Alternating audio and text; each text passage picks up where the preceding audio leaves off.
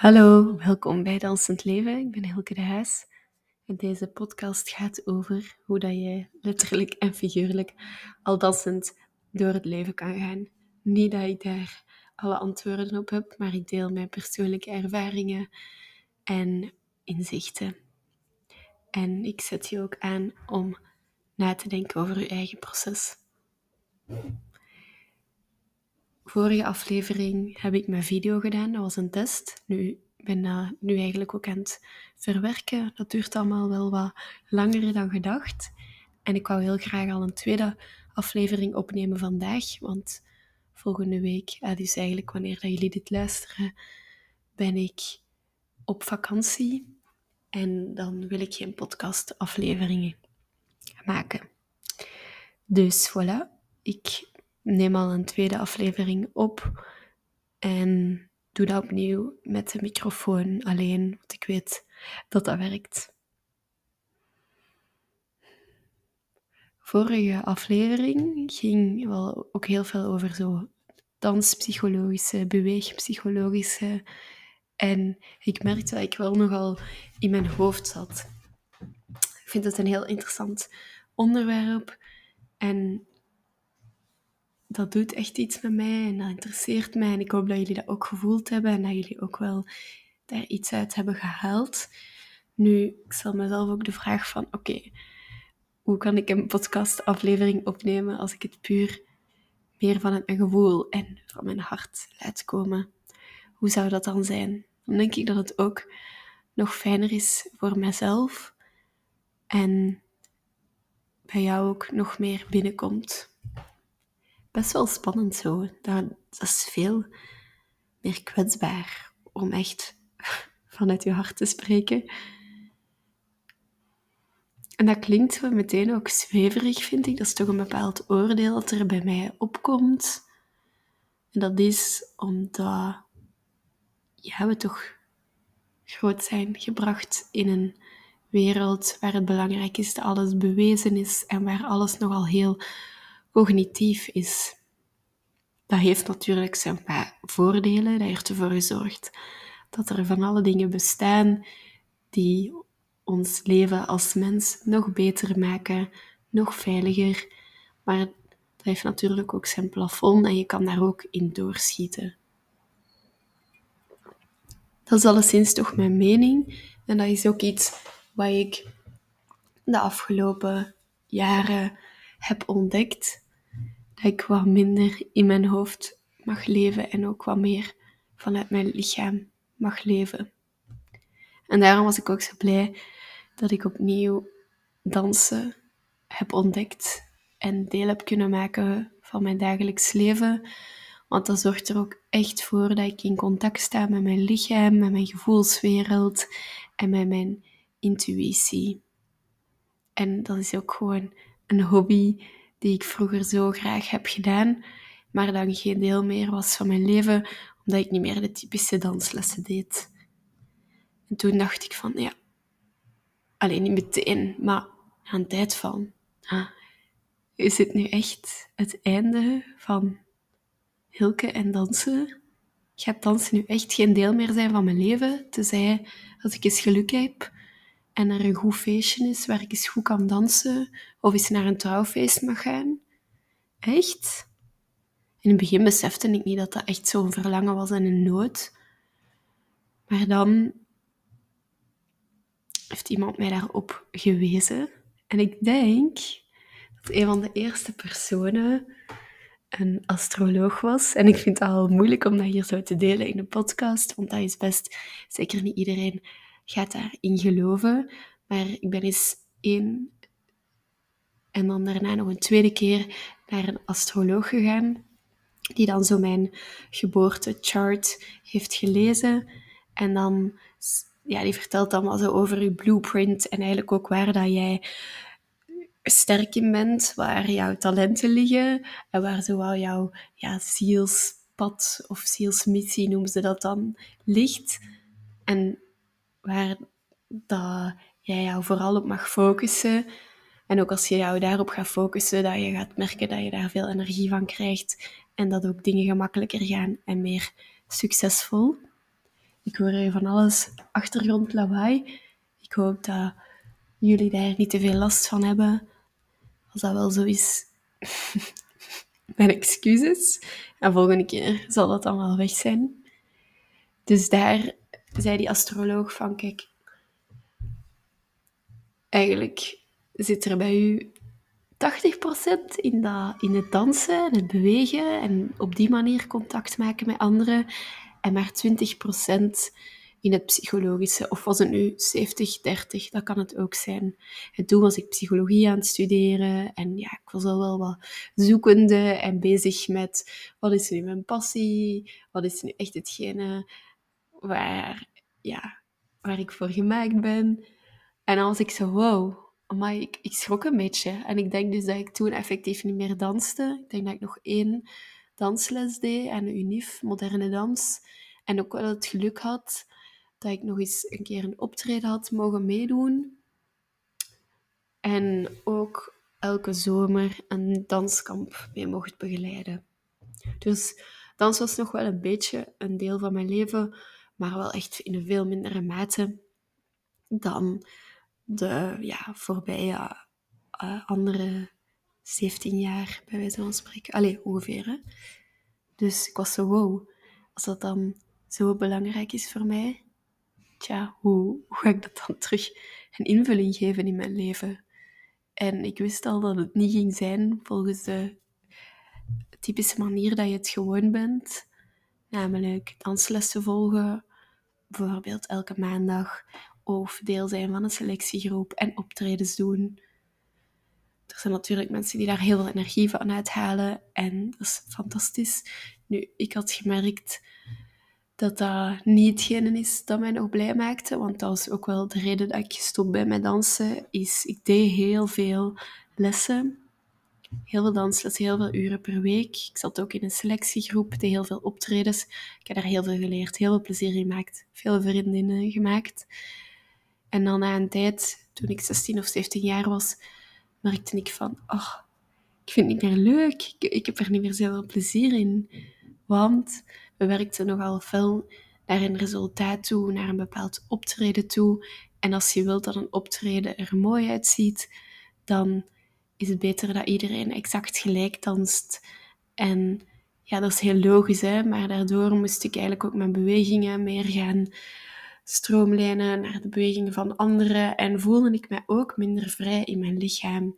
En langzaamaan ging mijn plezier in dansen zo verloren. Klinkt zo wat dramatisch, maar dat was het ergens ook wel. En dat heeft me echt wel ook even verdrietig gemaakt. En ja, ook slecht doen voelen over mezelf. En eerst voelde ik vooral de drang om mezelf te bewijzen. En alsnog hetzelfde als iedereen te dansen en even goed en te zorgen dat ik door de auditie was. Want ik was eigenlijk twee jaar zo op proef, dus dan mocht ik wel meedoen met alle optredens van die hedendaagse selectiegroep, maar ik was er niet officieel door. Dus ik had dan, ik weet nog, dat was echt wel een kantelpunt. Misschien in het vijfde middelbaar van oké, ofwel doe ik mee met de auditie en ik had een jaar lang heel erg gewerkt, me heel erg bewezen, ofwel doe ik niet mee met de auditie, want eigenlijk vind ik het niet meer leuk, want de manier waarop we dans invulling geven past niet meer echt bij mij en geeft me meer heel veel plezier. En ik ben heel blij en dankbaar dat ik dan toen ook al eens naar zo'n lichaamswerker was gegaan, waarmee ik daar ook over kon babbelen. En die mij heeft toen nadenken van, ja, wat is je gewoon Ehm, niet meedoet, wil, allee, wil je dat eigenlijk echt? En dan besefte ik van nee, ik wil dat eigenlijk niet meer. Dus dan heb ik niet meegedaan en dan een jaar later ook effectief gestopt met al die dansen. Maar ja, dan begon ik na een tijd wel te merken dat telkens als ik danste, dat ik dan bijna op mijn meest gelukkige was. Als ik danste met vriendinnen op vakantie, dan voelde ik me echt super levendig. Met mijn zus in de keuken dansen, gewoon zo maar voor het niks. Oh, beste ooit. En ik kreeg dus zo'n soort van subtiele ingeven en inzichten dat dansen toch wel iets is wat mij blij maakt, gelukkig, wat mij zelfvertrouwen geeft. En dus blijkbaar, hè, volgens die astroloog, ook heel belangrijk is voor mij om mee bezig te blijven. Dus was ik zo, oké, ik sta ervoor open. We zullen zien op welke manier dat het dan kan, dat dat nog een deel kan zijn van mijn leven. En dan, doordat ik, dus, zoals ik al zei, nog een optreden had mogen meedoen, die kansen kwamen er ook doordat ik zo lang in een dansschool heb gedanst. Dus daar ben ik ook heel dankbaar voor. Daar ook heel veel geleerd. Hè. Maar ja, dat is nu gewoon... ik probeer mezelf zo te verdedigen, want ik wil ook niet slecht praten over die dansschool of over mensen. Maar dat is gewoon ja, een deel van mijn verhaal en een deel van mijn ervaring. En een quote die ik ook graag wil aanhalen in deze podcast is geen wonder zonder wonden. En wonder, daar komen we nog toe. Allee, het wonder. En de wonde, dat, zit hem dus in dat stuk dat dat mij wel pijn heeft gedaan en dat ik het plezier in dansen zo ben verloren. Dus dat is zo wat die wonde.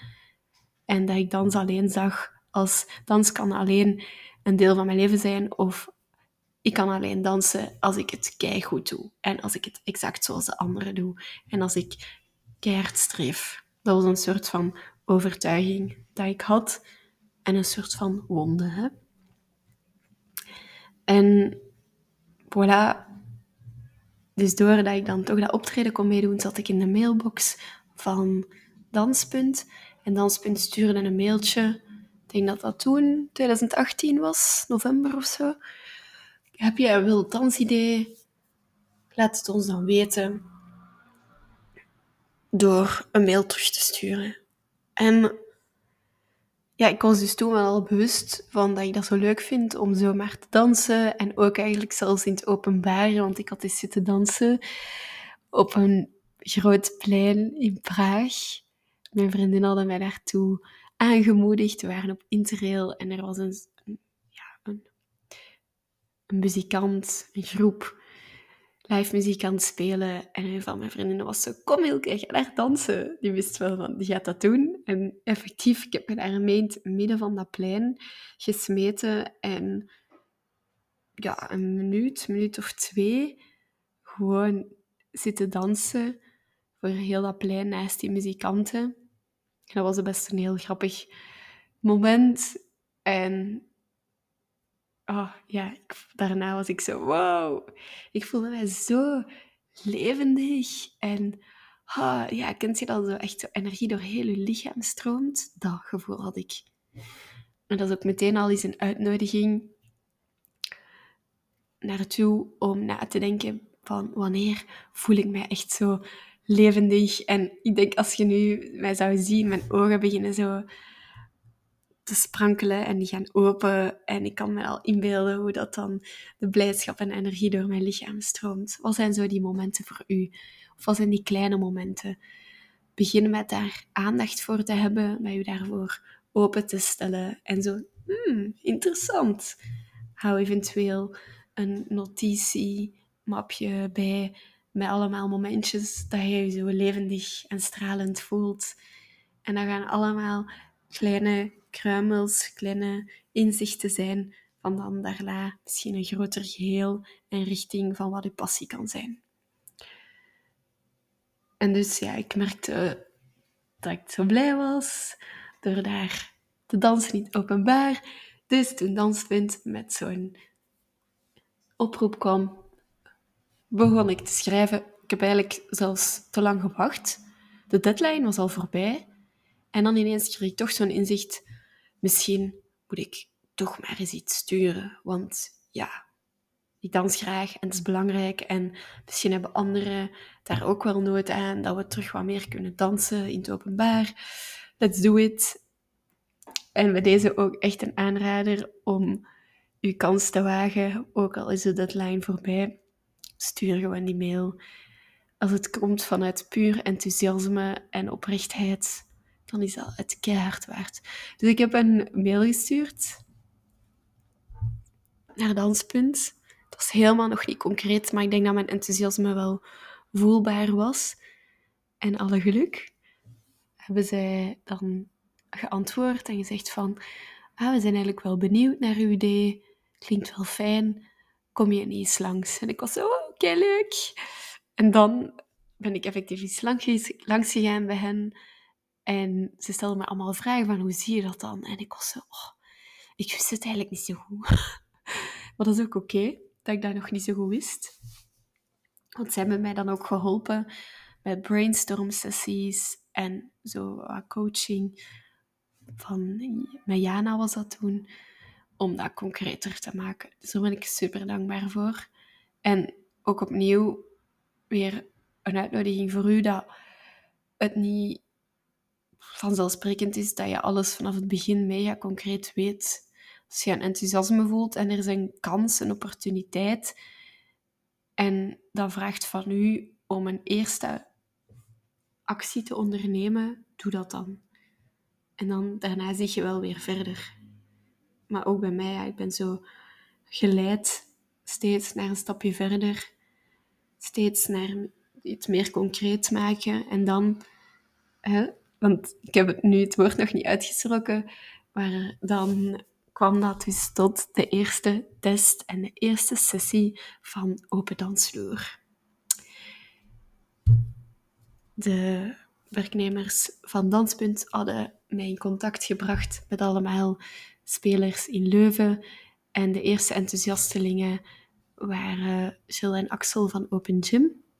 En ik mocht bij hen de open dansvloer wel eens uittesten. Want het was een heel open, toegankelijk concept. Gewoon een uur vrij dansen. Dat was, zo concreet was het wel al geworden. En ja, daar mag jij gratis je concepten uittesten. Want deelnemers kunnen dan met een vrije bijdrage meedoen aan die sportlessen. En dan zijn wij, denk ik, ja, 10 of 14 september 2019. Dat is ook de reden dat ik deze podcastaflevering nu opneem. Want volgende week, donderdag de 14e, is het Open Dansvloer bij de Velodroom. En dan bestaat Open Dansvloer dus al vier jaar. Oeh. En dat vond ik eigenlijk wel een goed moment om heel het verhaal en de, het waarom achter Open Dansvloer eens uit te leggen. Want voor mij is dat nu al zo vanzelfsprekend ik heb dat verhaal ook al meerdere keren verteld, of kleine versies ervan. Maar ja, nog niet iedereen heeft dat gehoord. Dus voor degene wie dat boeit, die dan nu aan het luisteren zijn, merci om te luisteren. En ik hoop dat het u ergens ook inspireert om zelf op zoek te gaan. Of dat het u misschien ook wel ja, al wat hints en inzichten geeft voor je eigen passieproject. Of wie weet, kom jij graag er op een dansvloer en vind je dat eigenlijk wel fijn om het verhaal erachter eens te horen. Ja, dus nu zijn we dan bij het ontstaan van Open Dansvloer. En toen had ik wel het idee van, ik geef een opwarming. En die was volgens mij al bijna hetzelfde als, als nu. En daarna gewoon vrij dansen. Maar ik begeleide dat zo nog niet echt. Het was echt gewoon puur vrij dansen. Voor iedereen die zin heeft om nog eens te dansen en die niet wil wachten op het volgende dansfeest. En dat was wel echt wel leuk. En ik ben super blij en dankbaar dat er toen vriendinnen zijn gekomen en goede kennissen de eerste keer. Dat is echt, oh, die mensen die dat doen, die komen naar je nieuw concept. Dat is echt, daar mag je heel dankbaar voor zijn. En daarna ben ik het gewoon blijven doen. Niet altijd elke week, maar wel echt vrij consistent. Niet veel later was het corona, heb ik het zelfs ook bij de Facebook Live en Instagram Live gedaan. Want het, de reactie van mensen van, oh, zalig, ze nog gewoon eens dansen voor plezier. Amai. Ja, dan wist ik, ja, dit is waarom ik het doe. En oh, hier heb je tenminste plaats om te bewegen. Ja, dat is waarom ik het doe. Als ik mensen zag lachen en in zone zag zijn, ja, dat is waarom ik het doe. Als je ziet dat mensen recht, meer rechtop staan, een super grote lach op hun gezicht hebben en stralen na zo'n sessie, ja, dat is waarom ik het doe. en dat heeft mij altijd ook nog gedreven om het te blijven doen, er blijven mee voor te gaan. Ook al kwamen er maar vier mensen, ook al kwam er maar één iemand, ook al kwam er niemand. Dat het eigenlijk maar één keer geweest dat er niemand is gekomen. En toen dacht ik, ja, Hilke, wat is de reden waarom dat je dat doet? Dat is om een moment te creëren om gewoon puur voor het plezier te babbelen. Uh, te babbelen. te dansen. Ik was even afgeleid omdat ik tegenover de straat, deze straat een vrouw zag kijken. En ik dacht, ah ja, die ziet mij hier nu zo babbelen voor de microfoon. Maar dus puur voor het plezier dansen. En je hebt dit natuurlijk ook voor jezelf gecreëerd. Dus grijp dit moment. Je hebt een dansplek, je hebt een muziekbox om gewoon even te gaan en vrij te dansen. En dat heb ik toen ook gedaan. En dan had ik toch ook nog zo een fijn gevoel. En dat is ook zo belangrijk om waar dat je ook zijt in het proces, of op momenten dat je eigenlijk geen zin meer hebt om ermee voor te zetten, jezelf de vraag te stellen: waarom doe ik dit? En als dat nog altijd even motiverend is, dan is dat misschien wel een reden om er verder mee bezig te blijven. Hmm. Ja, dat was eigenlijk het belangrijkste wat ik wou delen over open dansvloer en over ja, mijn verhaal. Dus ondertussen is open dansvloer echt enorm aan het groeien. Er komen veel mensen naartoe. Ik denk bijna elke keer zeker 40 mensen, vaak meer. En echt merci om te komen, merci om te durven. Voor sommigen echt wel uit de comfortzone stappen. Zo chic dat je dat doet. En ik ben blij en ik hoop dat jij dan daar de voordelen en de beloningen uit haalt. Dat je dat hebt gedaan, dat je dat hebt gedurfd. Want dat je dan kan ervaren hoe fijn dat het is om met een groep te dansen die gewoon wil dansen puur voor het plezier. En zo een dans als deel van hun leven kan maken, zonder dat het, het eruit uh, toe doet hoe dat het eruit ziet. Maar gewoon, jij mag dansen, jij mag blijven dansen en jij mag daarvan genieten met anderen. Gewoon puur omdat je dat graag doet. En niet omdat je daar goed in bent, maar omdat je daar plezier uit haalt.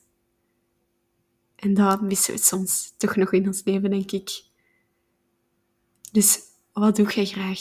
Waar haal je plezier uit? En zonder te kijken naar het resultaat. Zonder naar wat opbrengt of hoe goed je daarin kan worden. Waarvan word je blij? Waarvan krijg je zo'n levendig gevoel en een lach op je gezicht? Stel jezelf die vraag en stel jezelf er nog meer voor open en zie op wat voor manier dat dat je leven positief beïnvloedt. Merci om te luisteren en tot de volgende aflevering.